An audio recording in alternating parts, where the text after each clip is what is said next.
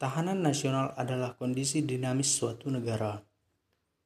Ketahanan nasional adalah kemampuan nasional untuk memelihara keutuhan bangsa dari berbagai upaya pelemahan berbangsa dan bernegara, baik itu oleh pihak asing maupun oleh pihak warga bangsa sendiri.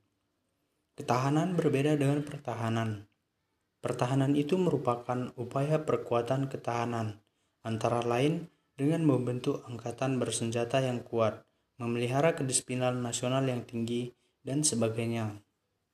Ketahanan nasional suatu bangsa mungkin berbeda dari suatu bangsa dengan bangsa lainnya.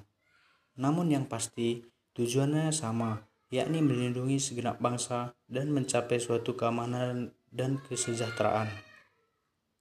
Ketahanan nasional Indonesia adalah kondisi dinamis bangsa Indonesia yang meliputi segenap aspek kehidupan nasional yang terintegrasi yaitu kesatuan menyeluruh dalam kehidupan nasional suatu bangsa, baik unsur sosial maupun alamiah, baik bersifat potensial maupun fungsional.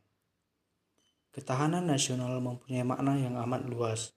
Bagi bangsa Indonesia yang terdiri atas berbagai macam suku bangsa dan adat istiadat, ketahanan nasional perlu dipahami secara konferensif dan terpadu, baik itu secara personal maupun sosial, untuk kemudian diwujudkan secara nyata di, di bumi Nusantara. Dalam konteks inilah, maka ketahanan nasional menjadi sebuah amanat yang harus diperjuangkan bersama-sama oleh setiap komponen bangsa, sesuai dengan kemampuan dan kapasitas masing-masing. Dengan kata lain, ketahanan nasional merupakan tanggung jawab kita semua, bukan hanya tanggung jawab Kementerian Pertahanan atau Tentara Nasional Indonesia. Sebab ketahanan nasional bukan hanya persoalan ketentaraan, melainkan juga terkait dengan persoalan lainnya, seperti persoalan agama-agama, budaya, ekonomi, politik, dan lain sebagainya.